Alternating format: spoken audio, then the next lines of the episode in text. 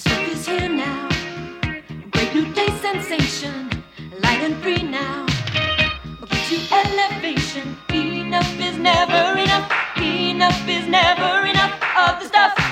The stuff, the taste that makes you hungry for more. The stuff, taste that delivers. Enough is never enough. Enough is never enough of the Hej och välkomna till Salong 3 med mig, Martin Degrell. Man kanske trodde att den här Larry Cohen-serien var över, men vi har ett sista avsnitt i denna svit. Och det är eh, ett avsnitt om en film från 1985 som heter The Stuff.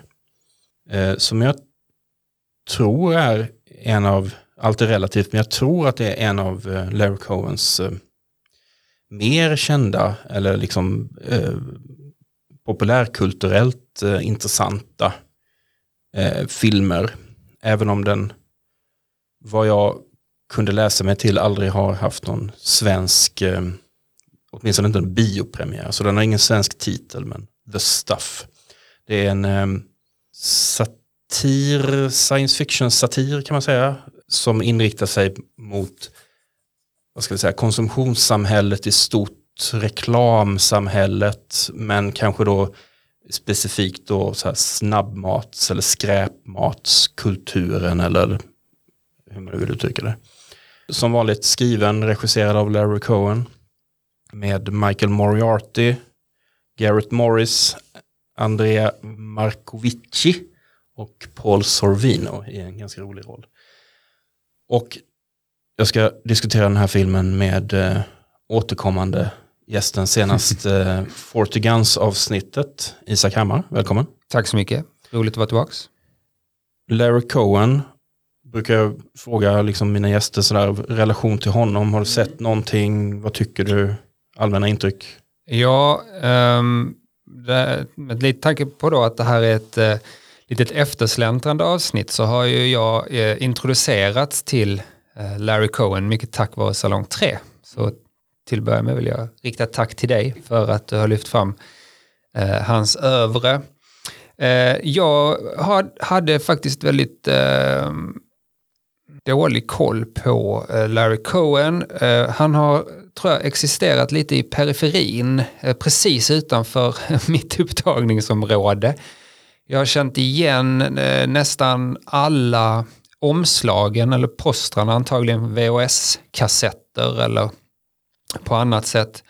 Eh, både Q och eh, eh, It's Alive som jag kände väl igen men aldrig liksom kommit dit att jag har eh, haft chansen egentligen att se någon av de här filmerna förrän, förrän nu faktiskt. Så att, eh, nu känner jag mig däremot ganska väl eh, uppvärmd och eh, väldigt trygg i Larry Cohen Universe. Eh, och eh, som du sa, några av dem du nämnde där med Michael Moriarty eh, gör ju att eh, man det finns en återkommande tonalitet som är väldigt eh, mysig. Ja, för även om hans filmer liksom skiljer sig väldigt mycket åt intrigmässigt och, och settings och sådär, han hittar liksom de här olika scenarierna och så, så gör han liksom eh, filmer utifrån dem, så har de ju ändå någonting utan att bli för mycket så här auteur, eh, teori, eh, vurmare så, så det finns ju onekligen återkommande teman, det finns liksom en, en typ av eh, anda i filmerna eller en typ av energi eller point of view som man absolut känner igen. Ja. Och en del av det tänkte jag på när jag såg den här är nästan en slags, eh, det finns en energi i dem som också tror jag känns som att den kommer av en slags otålighet. Eh, och budget förstås, alltså själva produktionsförhållanden. Men jag tänkte också på det här att han och jag använder samma fotograf och det finns eh, liksom återkommande medarbetare och så. så att, eh, ja, det, känns, det känns som, en, som ett litet eget universum. Det här är ju en, en film som The Stuff då som är eh, den har många likheter med många av hans andra filmer på det sättet att alltså rent formmässigt att den är, den är kort, den, är, den går rakt på sak, det är inga krusiduller, inga konstigheter, eh, karaktärer saknar ofta reaktioner. Ja, på, på saker som man hade kanske i verkliga Mm. livet förväntat sig. Alltså det, det, det återspeglas i filmer som It's Alive till exempel, att folk liksom bara accepterar de här Det här ganska bis- oerhörda. Ja. Ja. bisarra scenariot. Att bara så här, okej, nu är det det här som gäller. Nu förhåller, någon sorts så här, eh, en väldigt, karaktärerna har ofta en väldigt pragmatisk ingång till nästan allt som sker i filmerna, vilket jag tycker är väldigt intressant. Och det kanske säger något om, om Larry Cohen också. Ja, jag. nästan tillbaka till det här med otåligheten, att han vill inte ha de här longörerna av att en karaktär blir ifrågasatt och att vi som publik ska behöva vänta ut den fasen av att inte bli trodd på de här eh, liksom långsökta scenarierna som han jobbar med. Men du, jag tänkte bara innan, du sa det att den inte hade någon, haft någon svensk premiär, men enligt IMDB så har den ju en svensk titel, Mördande dessert. Oj, men det måste vara VHS-titeln då. För Ja, jag kollade för- ju på enda sajten som eh, räknas i de här sammanhangen med en svensk Och filmdatabas. där fanns den inte. Nej. Där finns den inte med.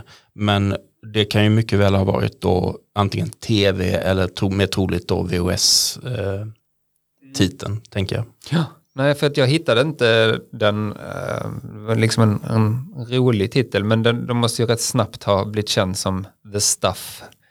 eh, även i, och jag, jag delar nog din uppfattning där av att eh, man kan läsa sig till verkar det här vara en av hans, den som har eh, nått, haft längst eh, räckvidd kanske av hans filmer. Möjligtvis också It's Alive. Jag tror också för att den har en typ av eh, kontext eller subtext Mm. som är relevant eh, bortom dess eventuella egna kvaliteter så att säga. Alltså den, den, den passas in kan man säga i, i ett, ett typ av paradigm av filmer som är den berör flera olika paradigm egentligen med, med eh, mediesatir, konsumtionssatir, även konspirationsfilmer. Alltså vi, vi kommer in på det. Ehm, vad är då The Stuff? Jo, alltså det här är då en, en film som, det handlar alltså om eh, eh, något mystiskt ehm, eh, Substans. substans eller- ja. som bubblar upp eh, ur marken eh, vid typ en gruva. Stenbrott, En, stenbrott, något något sånt, sånt, ja. Det är en en vit bubblande substans som kan liknas vid smält glass. Ja. Eller, eh, eller Marshmallow fluff, tycker Precis. jag det ser ut som. Alltså, det är det som är så lustigt. Nu vet inte jag historien bakom Marshmallow Fluff. Jag antar att det är äldre än The Stuff. Men både till namnet och till utseendet så påminner Ja. det väldigt mycket om varandra. Jag kan faktiskt skjuta in att när jag var eh, på utbyte i Boston, på Boston University, som doktorand, så var en av mina doktorandkollegor där eh, arvtagare till den familj som eh, kommit på Marshmallow Fluff, som tydligen skapats i... Fluff-familjen. Fluff-familjen eh, som eh, hade gjort dem väldigt rika och kom från en, eh, en liten förort till Boston som hette Lynn. Lynn, Lynn, the city of sin. You never come out the way you went in. Eller något sånt där sa de allihopa. Oj, vilken grej. Ja. Men jag kan kanske kan kolla om jag kan få kontakt med henne igen och se hur det var. Om de, det kanske var de som var inspirerade av Larry Cohen. Mm, precis. Den filmen öppnar då med eh, utan förtexter. Ja, det är en underbar, jag trodde, eh, som jag sa till dig, jag trodde först att jag hade missat någonting, för den är, på tal om det du sa med det här otroliga tempot, att den bara, det, det vandrar in en eh, person och säger, vad är det där som bubblar? Ja, alltså vi får absolut ingen etablering, inga titlar, ingenting sånt där, utan vi ser någon sån här typ gruvarbetartyp som är där i det här stenbrottet och så ser han någon substans där på, på, på marken och reagerar som vi alla antagligen skulle ha gjort, nämligen han böjer sig ner, tar upp en, en, en näve, eller liksom skopa med handen och smakar på det. För det är ju ungefär, så, jag vet inte hur du, men, det, Alla men, gånger, det skulle man Om jag är inte ute försitta chansen. om jag är ute någonstans i naturen eller någonting, ser något konstigt som ser så här lite kläggigt, vitt, äckligt ut. Särskilt vid så här amerikanskt stenbrott som ägnar sig åt fracking eller något sånt så skulle man ju absolut inte vara, dra sig för att stoppa substanser i munnen som låg och bubblade. Men d- han gör i alla fall det. Det är väl någonting som man får väl, om man gör lite så här work for the movie så att säga, så, så ehm, måste det väl vara så att det är någonting som lockar med den Ja. här. För det är ju så att den här substansen får ju folk att bli tokiga, liksom. de blir ju lite så här zombieaktiga, hjärntvättade, Det tar ju ett, beroende. det tar ju ett litet tag innan man får klart för sig vad den här substansen är. Och det är olika karaktärer kanske beskriver den på lite olika sätt också. Så att det är inte superprio att den får det. Men man kanske skulle säga det att den har ju, alltså det, den, du sa ju det här med att den har ju släktskap med andra filmer. Och här finns ju en väldigt tydlig släktskap med science fiction-traditionen med framförallt då The Blob, Invasion of the Body Snatchers kanske Absolut. allra mest, men även John Carpenters The Thing från 82. Men även tonalt tycker jag kanske med en del Cronenberg, eh, Scanners och Videodrome och sådär i tonen. Men, men just den här, alltså det är nästan som att han vet att det är den filmen man förväntar sig att se och det kan också förklara lite det här att man bara kastas in i det här och att det finns det här. Är det något som tar över din hjärna, din kropp? Är det liksom, ja. Mm. Precis, för att vad som händer då är att, eller vi ser egentligen inte vad som händer mer än att den här arbetaren plockar upp det här, smakar på det, tycker det är jättegott. Och så kommer bjuder det, en kollega. precis, som också är så här, "Åh." och sen så är det liksom ganska så här hårt klipp. Ja, Eh, och då förstår vi efter ett tag att det har gått lite tid. ja, För liksom, återigen ganska smart berättat att vi behöver liksom inte se hela den här etableringskampanjen av the stuff, hur det kommer ut på marknaden och så vidare. För att i princip är då att det paketeras i typ så här glasspint eh, Hägendas eh, förpackningen så.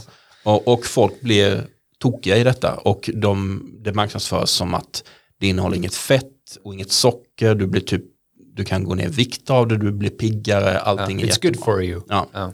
Och det har tagit hela samhället med storm. Mm. Men däremot den här eh, gubben som smakar på det, han säger ju eh, lite tacksamt till, till sig själv egentligen, eller till sin kollega då, att om vi bara kunde paketera det här så skulle vi kunna sälja det. Och sen kommer det där klippet, så att det är väldigt sån tydlig övergång. Och ehm, det förstår vi efter ett tag då att det är så.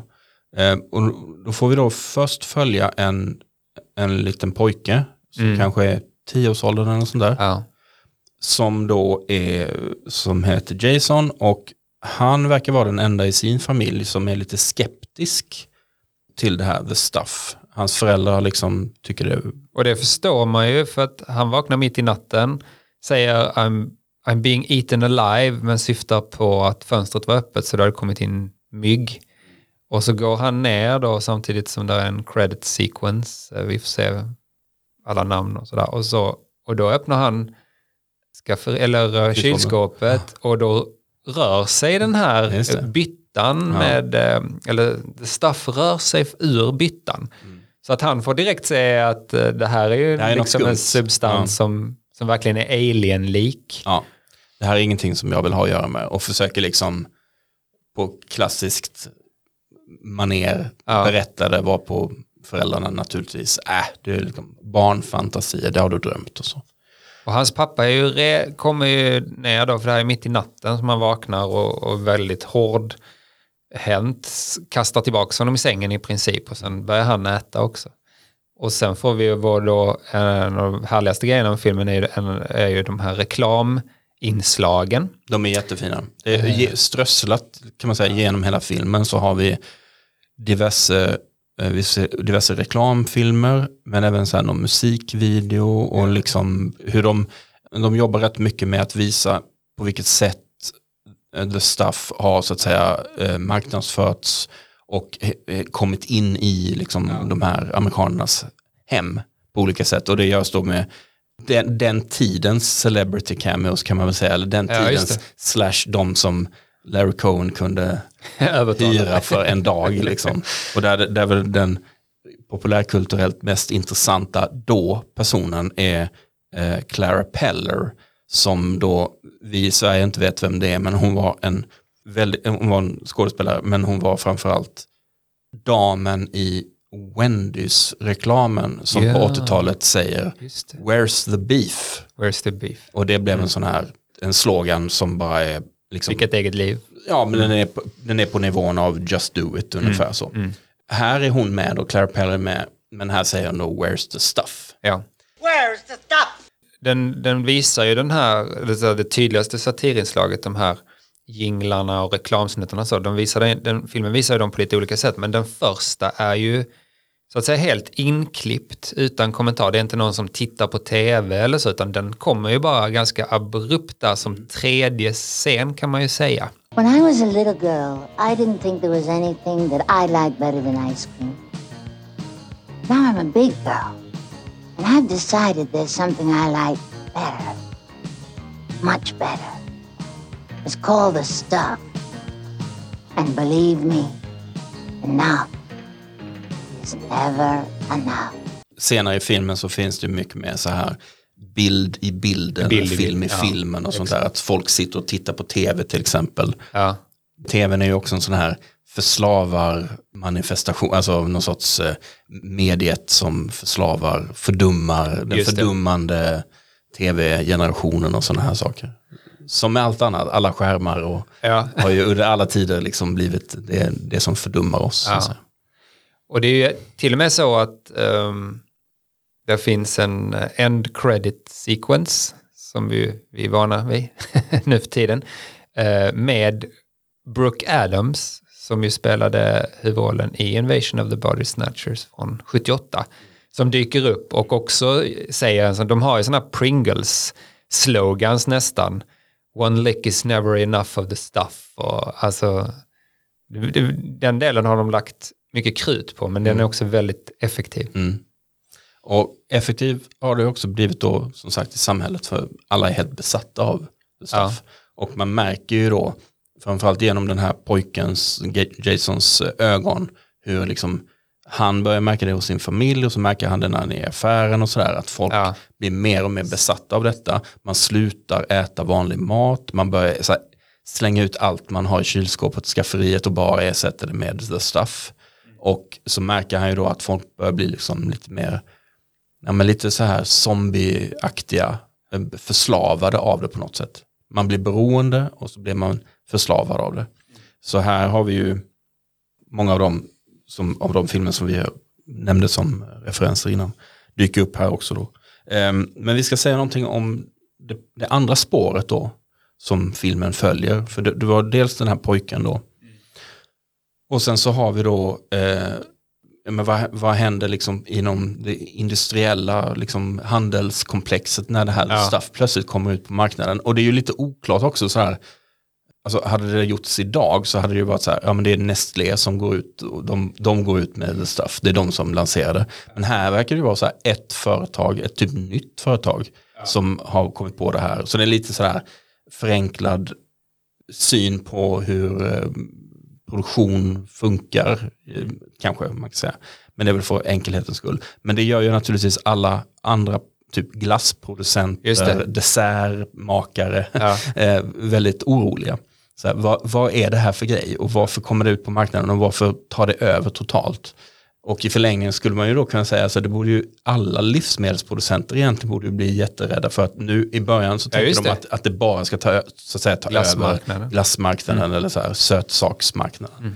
Men de är i alla fall väldigt oroliga så de anlitar då en industrispion typ, Ja, sabotör kallar han sig själv också vid något tillfälle. som spelas av eh, Michael Moriarty som vi känner igen från eh, bland annat Q och eh, Return to Salem Lot. Mm. Jag är lite så här agnostisk vad gäller Michael Moriarty, det har jag sagt tidigare. Ja. Eh, jag tycker att han kan vara bra ibland. Ja. Eh, det är uppenbart att Larry Cohen älskade honom. De, han, han tyckte att de två var så här simpatico. Men det var lite så Herzog-Kinski-relation nästan. För Fast- visst var det så att han också var rätt besvärlig att ha att göra med Michael Moriarty. Det vet jag inte om han var. Jag tror Larry Cohen brukar, han uttalar sig nästan bara positivt Ja. om honom och att han är liksom, ja han är så bra, han kan improvisera och han kan göra en massa grejer och, och ja, de verkar ha rätt, så samma, samma, ligger på samma liksom, nivå eller så. Men jag måste säga att jag, jag är lite skeptisk till Michael Moriarty. Jag tycker att han är ofta ganska påfrestande. Sen spelar han ju ofta påfrestande roller Ja, som inte är så sympatiska. Och det får man ju ha i beräkningarna då. Men jag tycker till exempel att i den här filmen så märker man att han får ganska mycket utrymme till att typ improvisera.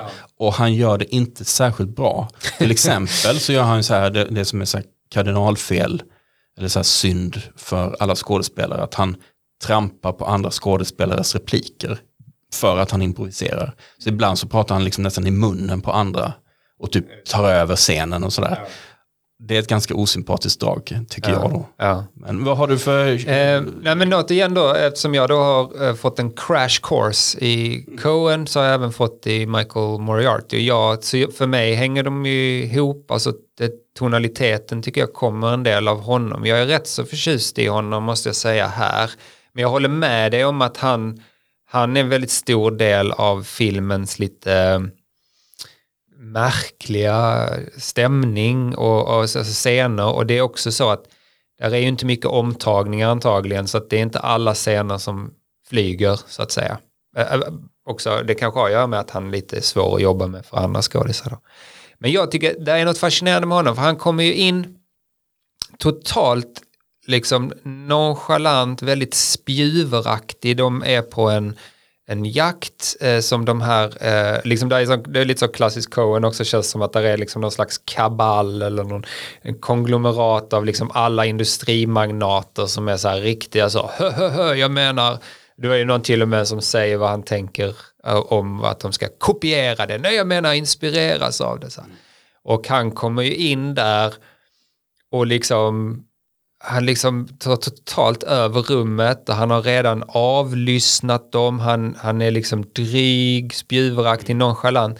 Men det växer lite på en för att han är så amoralisk, eh, tycker jag. Så att jag, han, ger, han ger filmen en unik charm ändå på något sätt, tycker jag.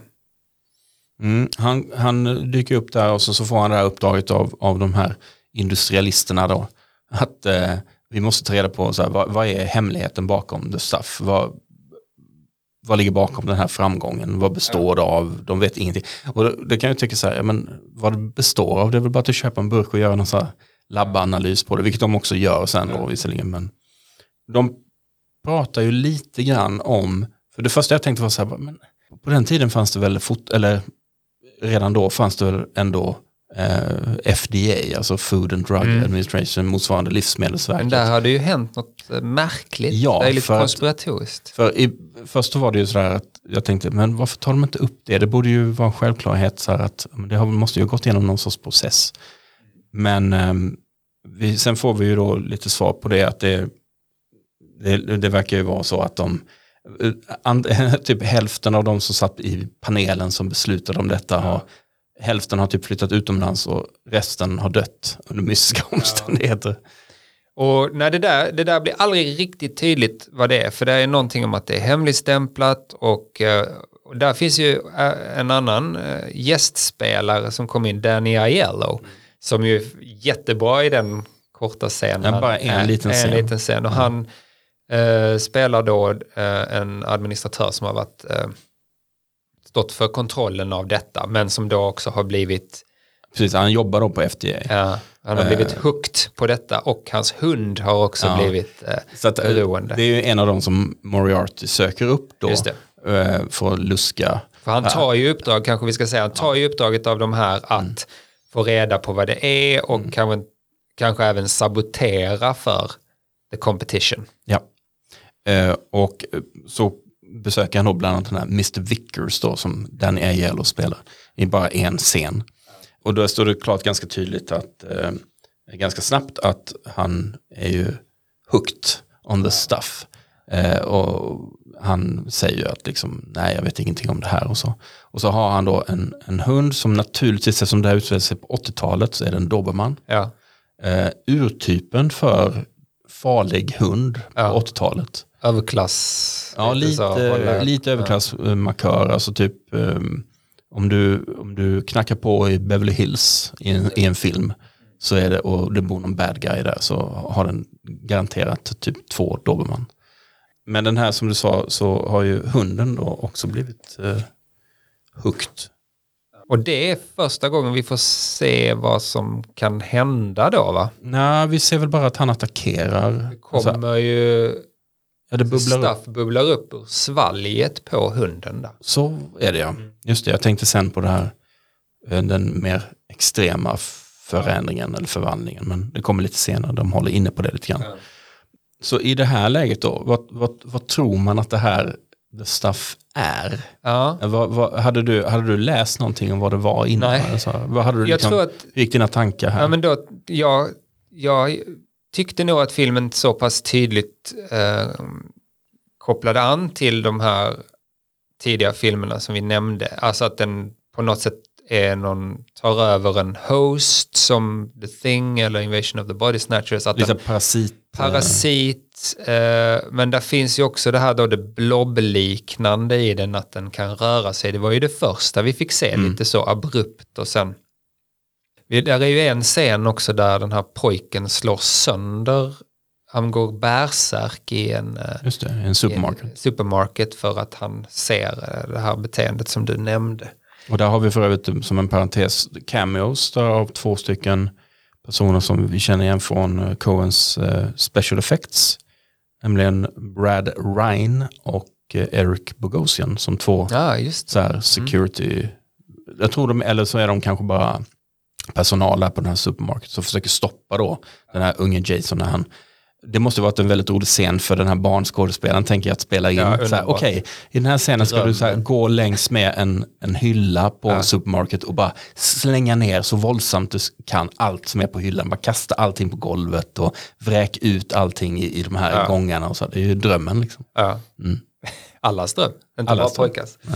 Eh, ja, nej men det, du ställer frågan vad the stuff är. Jag, jag tycker att det, det, det, det är lite oklart egentligen, men den, den rör sig hela tiden inom den här genrens eh, liksom förutbestämda eh, ramar om vad liksom, för det, det, det sägs ju att det är en alien substance men vi får ju aldrig bekräftat att den har liksom landat på någon meteorit eller så som Nej. The Blob gör. Att Vi får ingen liksom, förklaring Nej. till, eller Jag- ens bekräftelse. Liksom. Men jag hittade en, en av postrarna som var utf- till The Stuff, filmpostrarna var utformad som en varning. Det stod bara warning och så, så var det den här bilden som jag minns då från min barndom eller från eh, som är rätt lik den här bilden Scanners för övrigt. Och då, var, eller, då stod det så här, if you see the stuff in stores, call the police. If you have it in your home, don't touch it, get out. The stuff is the product of nature, a deadly living organism. It's addictive and destructive. It can overcome your mind and take over your body and nothing can stop it. Så där har de gått på något sätt att det liksom mer Ja. bubblar upp ur... ehm, Och det är väl nästan det budskapet de har i den här radiosändningen va? ja, just det. Nästan ordagrant därifrån. Ja. Uh, Så det ehm, då är det inte riktigt en alien som Nej. någon, någon av karaktärerna åtminstone tror att det är. vi ska säga då att Moriarty och hans team då, han verkar ha ett team. De, Han de, rekryterar ju framförallt en...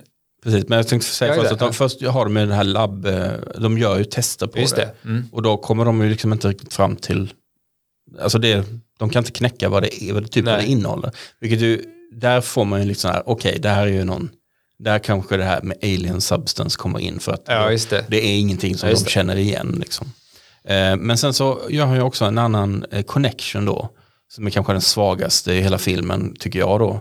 Jag förstår att Larry Cohn vill ha med det här för att dels så handlar det om en kvinnlig roll som Moriarty kan då spela mot och även Ja, inleda en romans med. Men den här karaktären som heter Nicole som är då en typ en AD eller någon form av eh, reklamare. Hon ligger bakom då den här reklamkampanjen så jag förstår att liksom Cohen vill naturligtvis liksom, han vill nog utforska det lite grann.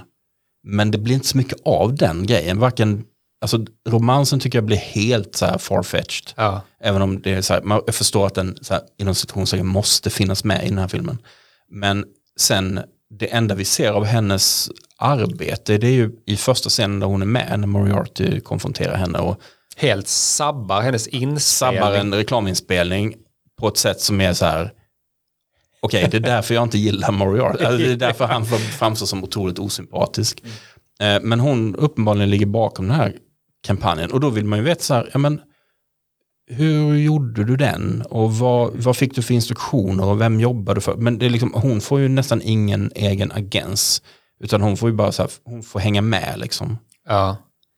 Det är också så att, på tal om den här Coens otålighet, där är ju ingen animositet mellan dem. Han går in, ljuger om att han jobbar för ett eh, oljebolag som han vill ska göra vad hon gjorde för The Stuff åt dem så att de också blev populära och eh, kastar liksom pengar omkring sig och hon faller ju för honom direkt. Tycker han är supercharmig. Och bara, liksom- Wow, låter coolt. Han säger, vi, välj du vilken restaurang vi kan gå och äta middag och diskutera mitt eh, förslag, mitt eh, affärsuppgörelsen här. Och då säger hon, men kan vi inte beställa eh, rooms, room service istället? och sen var de igång. Väldigt realistiskt. Ja, Ja. så jag håller med dig. Den, den, en, ett annat manus hade ju använt det som en chans att hon först ogillar honom och sen måste han vinna över henne. Det är ju liksom en klassisk. Men här eh, har de inte tid med det. Hans spår då leder ju honom eh, ut på vischan, Åh, det är underbart.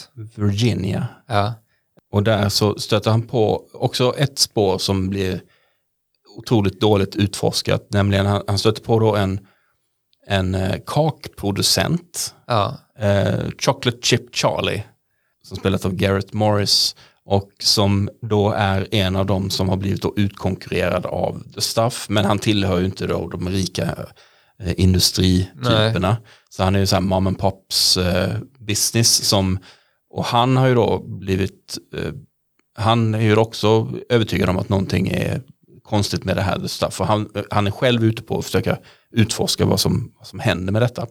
Och för ett kort ögonblick i filmen så blir det så här, ah okej, nu får vi lite så här omaka par, ja, buddy movie när de ska gemensamt så här, han är lite snacksalig och han Han har också och, något, han har en egenskap, han har lethal hands. säger han hela tiden. Att Alltså han är, han, han, han tydligen var på att fightas, Ja. men uh, jag vet inte en uppenbarelse som ser och det ut får som, vi inte heller se så mycket av. Nej, så. han slår sönder en dörr tror jag. ja. Och sen så efter ett tag så försvinner han ut ur filmen och är borta Ja.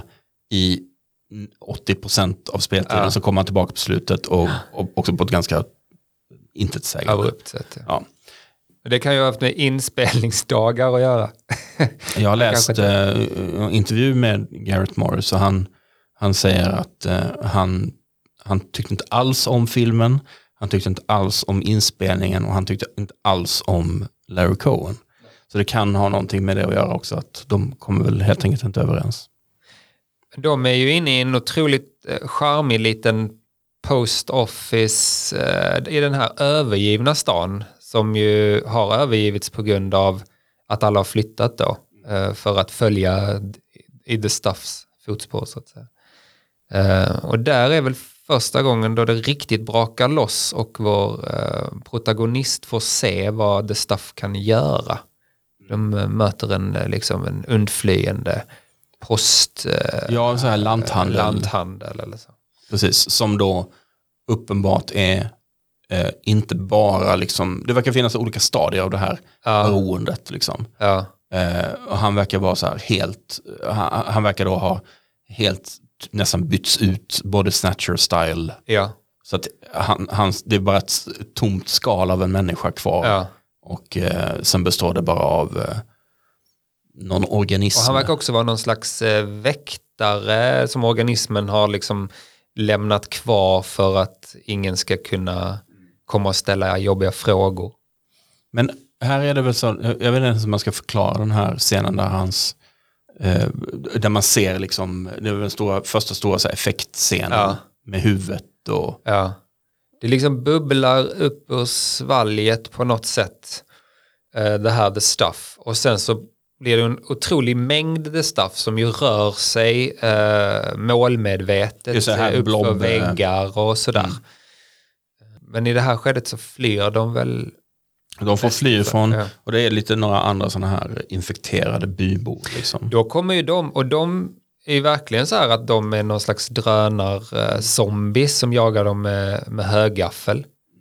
Och de går helt sönder för Moriarty slår då, han, vi kan också säga att han heter Mo, Mo Rutherford. Ja, och, Och han han- har en, en otroligt dålig Ja, southern accent. ja han ska Han, spela han är ju typ från Detroit eller någonting. Det är så här, det är, och han försöker sig på någon sån här deep Ja. Alabama, Mississippi, någonting sånt där. Och vad är det han säger Jesus. till flera... You know, Mr. Uh, Rutherford, Mo Rutherford. You know why they call me Mo? no, why? Because every time people give me money, I always want Mo.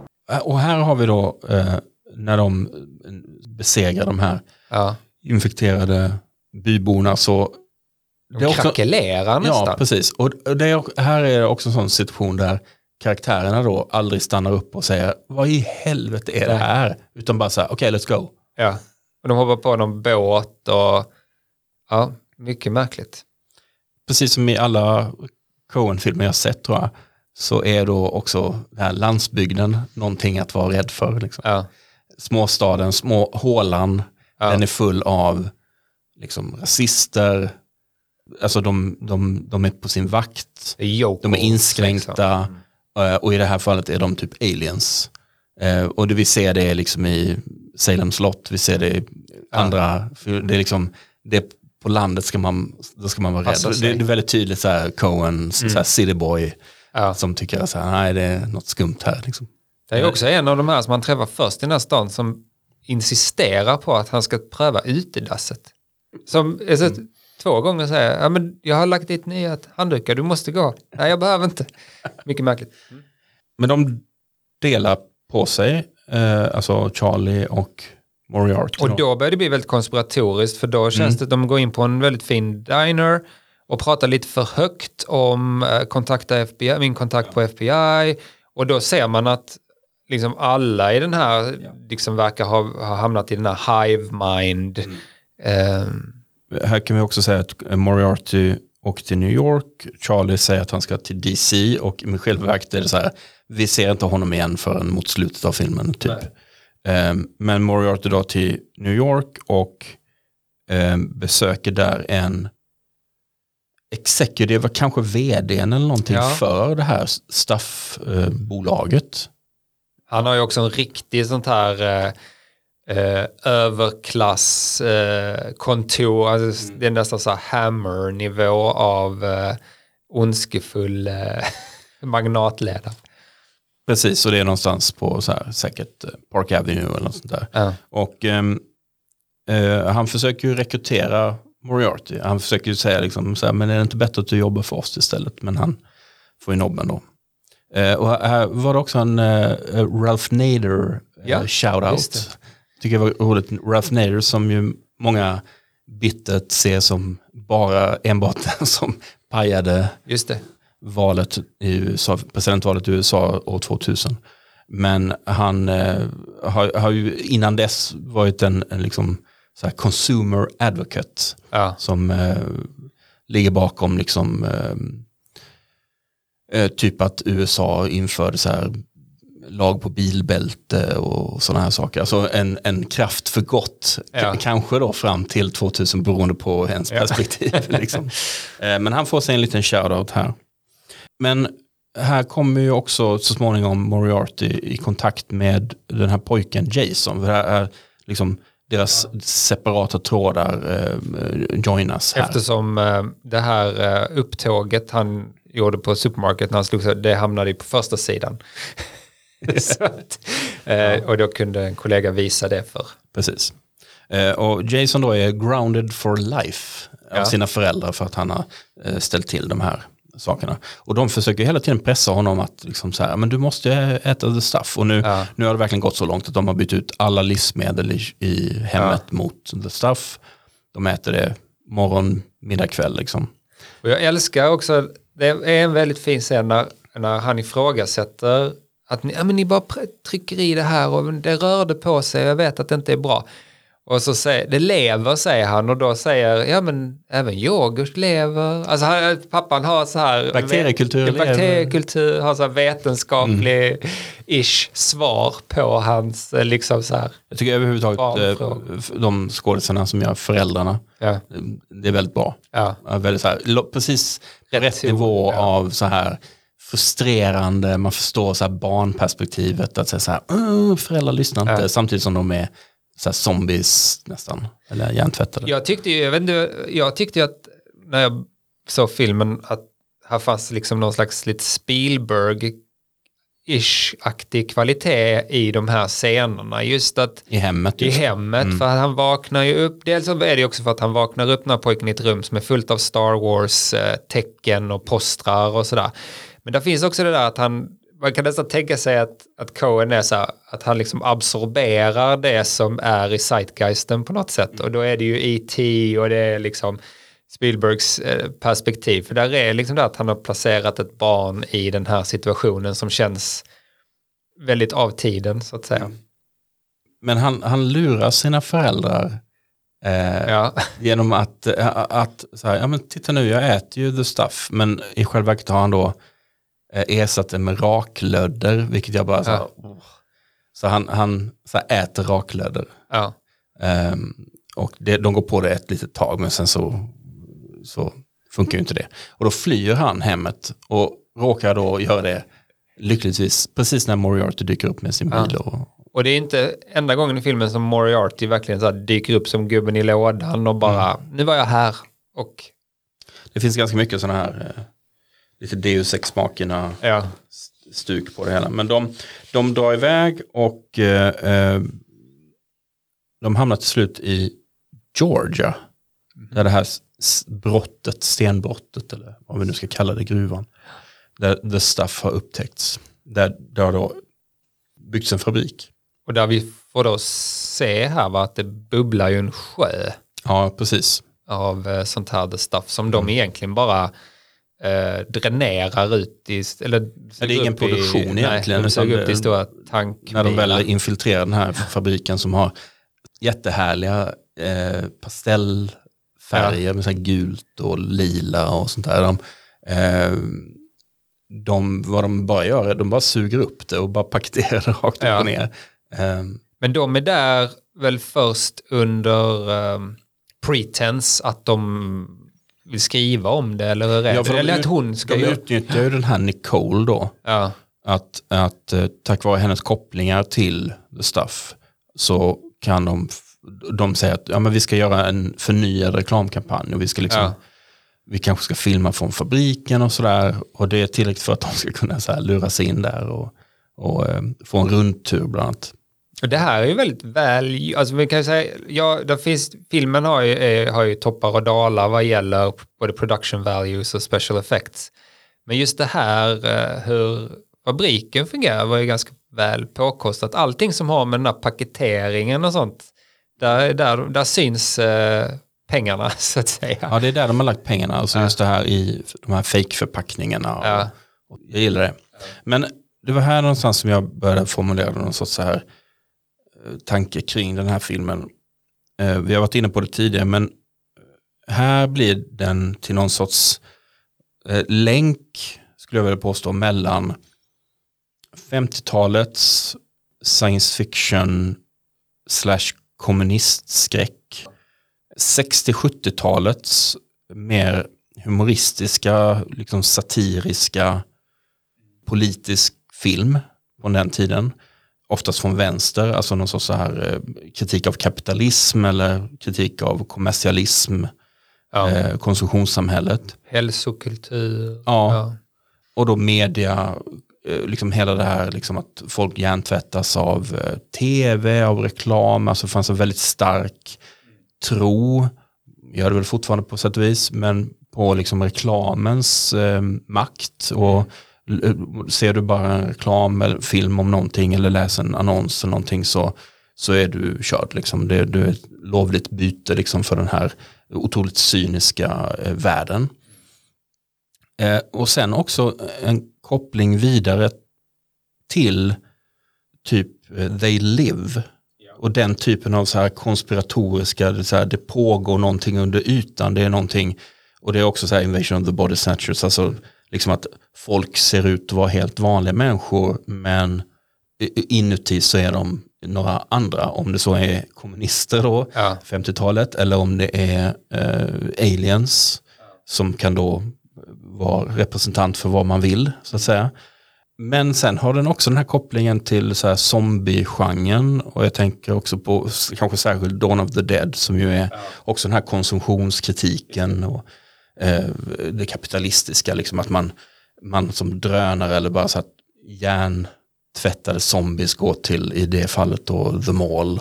Eh, ofta övertydliga kritiker och sådär.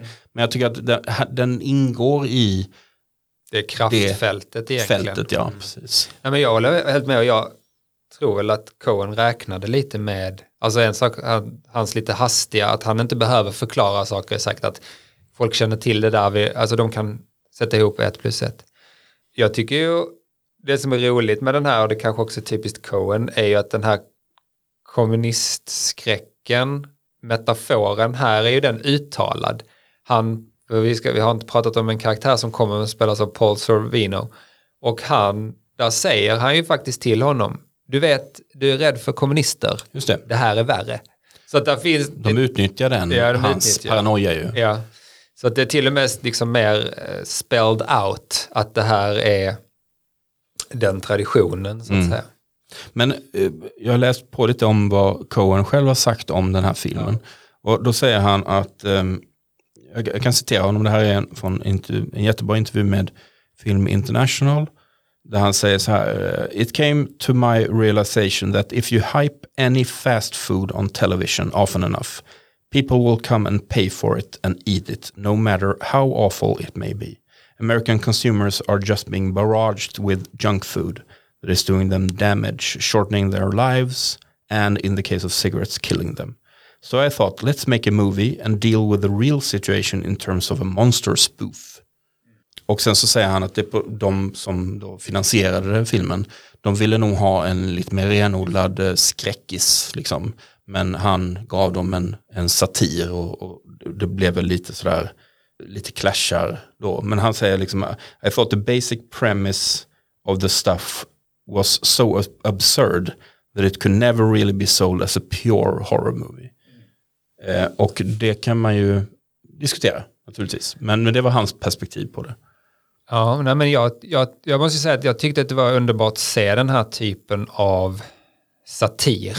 Alltså det finns ju, man kan ju dra en parallell till Robocop och Verhovens filmer där liksom satiren får lov att ta stor plats. Cronenberg nämnde vi och Terry Gilliam kanske så här. Och jag har ju länge saknat den. Jag vet inte vad du tänker, men där finns ju hur står det till med satiren idag liksom? Den, man gjorde Running Man så var det en själv, ganska självklar satir med Arnold Schwarzenegger. Men när man gör Hunger Games så tonas, tycker jag i alla fall, väldigt många av de satiriska inslagen ner till förmån för en slags mer eh, hyperrealism. Alltså det är lite samma man gör för Batman-filmerna. Också någon sorts allmän dystopi Ja. som inte har någon satirisk eh, liksom, kant eller, eller liksom, Och att man vill kanske inte heller rikta kritik mot något så stort eller något så spetsigt utan man vill att det skulle kanske kunna tänka, tänka sig. Å andra sidan, det finns väl kanske en del, alltså inom skräckgenren lever väl satiren ändå hyfsat bra tänker jag med, med Jordan Peele och, och andra representanter. Så att, men, jag, men jag saknar att det är de här stora, lite större, så det var väldigt härligt att se. Men det ger ju, precis som du och Cohen ger uttryck för här, där är ju en liten, om det är en fördel, det ger ju filmen en unik eh, ton att den ligger någonstans i gränslandet mellan skräck och komedi. Men riktigt läskig är den ju inte. nej det blir den ju aldrig. Ehm, och de, eh, för att återgå till handlingen så blir de ju då sen eh, attackerade mitt i natten då i sitt motellrum Ja, just det. eh, av eh, i princip en blob. Ja, först är det ju, blobben kommer ju ut ur kuddvaret. Ja just det, hur det nu, Ja, och då ligger de ju i samma säng och så kommer den ut och fastnar i ansiktet som en facehugger, en alien. Och eh, hon kastar eh, fotogen som hon ja, tänder eld på. här Ja. är det två intressanta saker. Det, det ena är ju då insikten då att de inser att det är brännbart. ja. Vilket ju är en liksom, pust. Nu vet vi hur vi kan besegra det. Liksom. Eh, Och det andra är ju lite mer filmtekniskt då, att de, här använder de sig av samma eh, samma effekter som i eh, när Johnny Depp eh, dör i eh, Terror på M Street. Ja, ja. Med det här eh, roterande rummet. Just det. Med liksom, eh, alla som har sett den filmen vet att han ligger i sängen och så, så blir han uppsprättad liksom. Men Det klättrar liksom på väggarna Precis. men, men man, ja. om man lite observant så ser man ju att det är andra skådisar som helt plötsligt sitter väldigt stelt i förgrunden. och sen rusar det också in en, en helt eh, en person i, som också är någon sån drönarväktare och som istället får det här kletet stuff på sig och blir svald av den. Så där är liksom lite, händer mycket i den scenen. Det är mycket som säger så. händer. Till slut hamnar vi tillbaka i den här stenbrottet, eller staffbrottet. Mm. De har kommit lite ifrån varandra, jag minns inte riktigt hur, men det är så här, Jason hamnar på, på ett håll och är tvungen att gömma sig. Och då gömmer han sig på det fantastiska gömstället inne i en, en tom tankbil. Ja, men så länge de inte fyller den tankbilen med the stuff tänker jag att det inte är någon fara. Alltså det är nog ingen fara, så det, det, löser, det kommer nog inte att ske, eller hur? Eh, det ganska klaustrofobiskt. Alltså de, det, jag gillar det att de, det här, de filmar, de måste ju ha skurit itu någon tankbil och filmat liksom. Men man ser honom verkligen i den här. Och sen så är det ju någon som stänger luckan. Oh, det är en öppen lucka, den stänger Ja, det vi. stänger, ja. Eh, och sen så till slut börjar det pumpas in då, alltså stuff, för det ju- pumpas ju upp. Och han, eh, Moriarty, ska ju, eller Mo, han eh, är ju där för att, liksom likt en, en Bond-sekvens, han klär ut sig till en av de här arbetarna och går omkring med så här eh, sprängmedel. Ja, han ska väl Han ska- sabotera. Han ska sabotera, så Mm. där kommer det in. Och där var ju också en väldigt, där var ju en scen de hade snott nästan rakt av från Raiders of the Lost Ark, Indiana Jones, när eh, där är en som kommer som ser honom när, och som han då nitar och eh, tar hjälmen ifrån, som han gör på ubåtsbasen. Ja, just det. Som Mm. eh, väldigt tydligt tyckte jag i alla fall. han, Moriarty är tvungen att fly därifrån och lyckligtvis tar, så s- stjäler han då just den eh, tankbilen där Jason eh, gömmer sig i. Och sen så hamnar de efter mycket om och men hos en, eh, så här, ut, återigen ute på vischan, eh, hos en så här, högerextrem milis som leds då av eh, i alla fall någon som, eh, som liksom kallar sig för Colonel Spear. Som spelas av Paul Sorvino. Måste säga väldigt bra roll. Och han gör det ju Han njuter, han gör det med den äran. Ja. Och som vi varit inne på tidigare så, så utnyttjar då Moriarty det faktum att eh, Sorvino och company är liksom Fostrade i kommunistskräck och Precis. vatten. Alltså det var ju det här något- paranoia, allmän så här Allmän- myndighets ja. eh. Så att de i princip lurar honom att tro att den här the stuff-grejen är liksom en, det är en konspiration.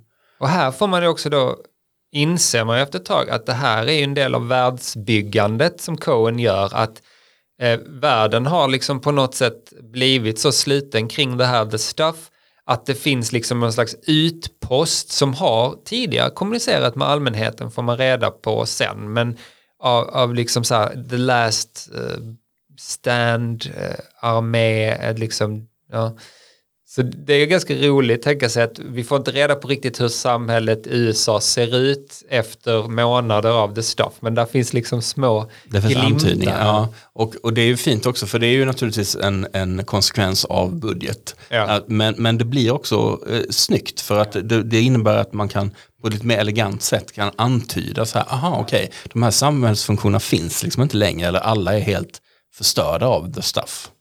Ehm, de raidar den här eh, fabriken då. Eh, och eh, istället för att göra motstånd som alla räknar med då, så personalen på den här fabriken typ begår mass-självmord. Ja, just det. Och då säger, just han skjuter ju, en- alltså Sorvino skjuter ju en av de här eh, arbetarna och då visar det sig att eh, liksom, den är fylld av the stuff så där är liksom så här, squibs med vitt istället för rött. Och då säger han något sånt här, I kind of like the sight of blood. Well, this is disgusting. Men så de har ju, eh, jag tänker också att också så här mass-självmord låg Ja. lite i tid. Jag Ja, tänker på så här eh, Jonestown var bara Koresh. några år. Ja, Koresh är några år senare.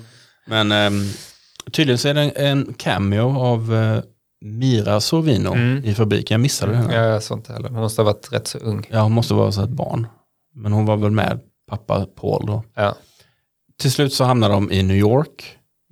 Dit de reser med privatplan. Det måste ju också vara så här, Cohen har någon tjänst, gentjänst eller en Ja. producent har en så här, ja men eh, jag känner någon som äger ett privatplan. Så här, bara, ja. men Ja. då kan vi använda det, för det är helt meningslöst. Varför Men nu är ju han, Paul Trevino, med i deras eh, quest Ja. att uh, blottlägga detta. Och då tar de sig till en radiostation och jag blev inte riktigt på, på det hela, alltså klar med det här att var det bara en radiostation som de tar över eller var det någonting som Paul Sorvino Jag tror att han har Hade haft den, den? för att kommunicera tidigare. Ja, Det är det jag menar, att han har på något sätt Ja, ja. fört någon sån här eh, För jag tänkte, varför är de tvungna att... gerilla-propaganda via den. Okej, men de... Okej. Men det är lite Jag är inte helt oklart så här att varför måste lite- de ta sig till New York? Ja, skitsamma. Men... och så är det lite så komiska grejer när liksom de här milismännen kommer in där i New York, liksom så här in i storstaden. Så, här, okej. Ja, just det. Eh, Men de tar sig till den här radiostationen och eh, förbereder sig för att sända ut liksom det här, Ja. ett budskap till typ världen eller i alla fall USA. Men, och då dyker plötsligt den här Chocolate Chip Ca- Charlie upp Ja. igen. Eh, ett, vad har, vad har han varit hela den här Ja. tiden? Två, hur visste han att de var där? Tre, varför dyker han upp nu? Det är Mm. liksom helt meningslöst. Och det visar sig att han är ju infekterad då. Ja. Eh, så att han dör Han, ja, li, han, ungefär lika snabbt som han dyker upp. ja, han låser väl in sig i inspelningsstudion med Nicole Mm. och sen förvandlas då. eh, men... eh, och Och då, ganska schyssta effekter i hans huvud där. ja, Det är liksom, mer och, och mer också så här The stadier Thing av- eh, ja. eh, vibbar på Ja. den förvandlingen av huvudet. Liksom. Eh, men de lyckas till slut sända då en sån nöd... Ja, men han, det här, han blir ju till väldigt mycket the stuff-klätt. Och då kommer ju Moriarty in med klassiska 80-talslösningen, två stycken kablar, elkablar, som han kör ner i the stuff så att det då elektrifieras. Alla hajen. Ja, det funkar ju. Mm. Men de kör sin sändning där de varnar för the stuff och tro det eller ej, det funkar. Ja. Denna, Upplysning. denna enda Folkupplysningen. Denna enda faktaupplysning gör att eh, folk lyssnar.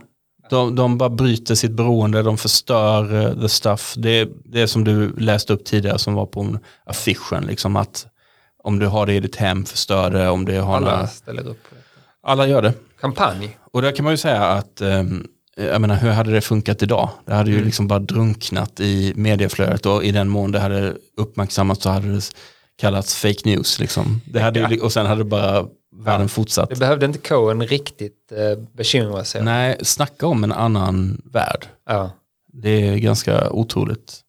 Hur liksom en enda sändning från en Ja. från folk du inte känner som du inte Nej. har någon anledning att lita på. Nej. Och du bara så här, okej. Och alla lyssnar. Hade inte funkat idag. Som en liten eh, coda kan man väl säga så eh, besöker Moriarty den här Stuff-vdn igen. Lite grann för att så här, haha, liksom, rub it in his face. Men han är ju väldigt så defiant, den här vdn, och säger att men vadå, ni, ni förstörde en av våra fabriker och ni kanske har fått folk att bli, gå emot oss lite grann. Men det finns ju stafffabriker, eller det finns så här staffkällor Ja. eh, runt i hela världen. ja. Och de har ju en ny produkt Ja, för nu har han slagit sig samman med en av de här glassgubbarna som tidigare. rekryterade Moriarty då. Och nu har de en, en produkt som heter The Taste. Ja. Som de förklarar som att det är inte lika beroendeframkallande eller typ Nej. zombie-skapande. Det är bara 12% stuff i. Ja. Sen är det resten yoghurt. Så du blir typ inte helt eh, eh, förslavad. Nej. Och så slutar det med att eh, eh, Moriarty och eh, Jason under då pistolhot tvingar de här två företagsledarna Det är alltid bra att ta med en tioåring till den typen av Absolut. Situation. Då tvingar då de här företagsledarna att eh, sätta i sig då eh, all. allt kvarvarande stuff som de kunde hitta. Och då ser man att de visst blir beroende och så. Men syftet är ändå lite, det är ganska mycket syfte straffa. Alltså Moriarty är inte så att han har blivit någon riktigt god person av allt detta. Han är fortfarande amoralisk. Och sen så den här eh, ganska övertydliga repliken då. Are you eating it? Or is it eating you? Och sen så ser vi också i en liten epilog då att eh, the stuff finns fortfarande men nu på svarta marknaden. Mm. Ehm, något mer att tillägga om the stuff? Något du funderar på? Det var Nej, liksom jag handlingen. tycker väl att den, eh, vi har täckt det mesta här. Eh, Den driver ju hem sin poäng tydligt här på slutet. Får man säga. Mm. Alltså den här typen av lite mer så här agiterande satiriska grejer. De, det är inte alltid de vinner på att vara subtila utan de, de, ibland måste de vara lite in your face. Liksom. Och sen är ju genrefilm alltid tacksamt att liksom, klä de här satiriska budskapen i. Och det, det tycker jag är ett bra, den här filmen är ett bra exempel på det tycker jag. Jag måste säga, det var ju roligt att läsa att eh, det hade funnits en, en längre sekvens. Det, du var, jag vet inte om du var inne på det här, men att bolaget ville ju dels ha en, de ville ha mer skräck och han ville leverera den här satiren eller komedin. Men det, han, det fanns ju en längre version och det märks i några av scenerna att det är väldigt abrupt klippt. Och, och, eh, men det är roligt att eh, Ray Cohen själv i efterhand beskrev den längre versionen som dense and sophisticated. Och ändå lite svårt att se att, att en längre version skulle ha beskrivits av mig som sofistikerad, men, men, eh, men det får vi låta vara osagt. Ja, det var det. Vem hejar du på? Alltså, Det är lätt att säga Jason förstås, han är väl, eh, man får hoppas att han tar sig ur den här Michael Moriartys inflytande och inte börjar använda sig av samma, samma gangstermetoder som han. Du då? Eh, jag hejar på då, eh, Colonel Spear, Ja, Paul Sorvino. Som vars öde oklart? Nej, han klarar sig? Ja, jag tror det. Jag tror han klarar sig. Ja. Men jag är osäker på om han kommer ändra världs... I min fantasi klarar han sig. Ja. Och så, så blir han jättebra. Ja. God. ja, det här var The Stuff från 1985. Isak, tack så mycket för att du ville vara med och prata om denna film. Tusen tack. Eh, och detta var allt vi hade om Larry Cohen. Vi ska spela in ett litet avsnitt eh, till om Barbara Stanwyck. Det kommer, eh, när du hör detta så kommer det snart. Och eh, därefter blir det ett litet uppehåll och sen så börjar en ny serie. Vad ska vi tro att den kommer? Någon gång under hösten 2023. Men tills dess så säger vi hej då. Hej då.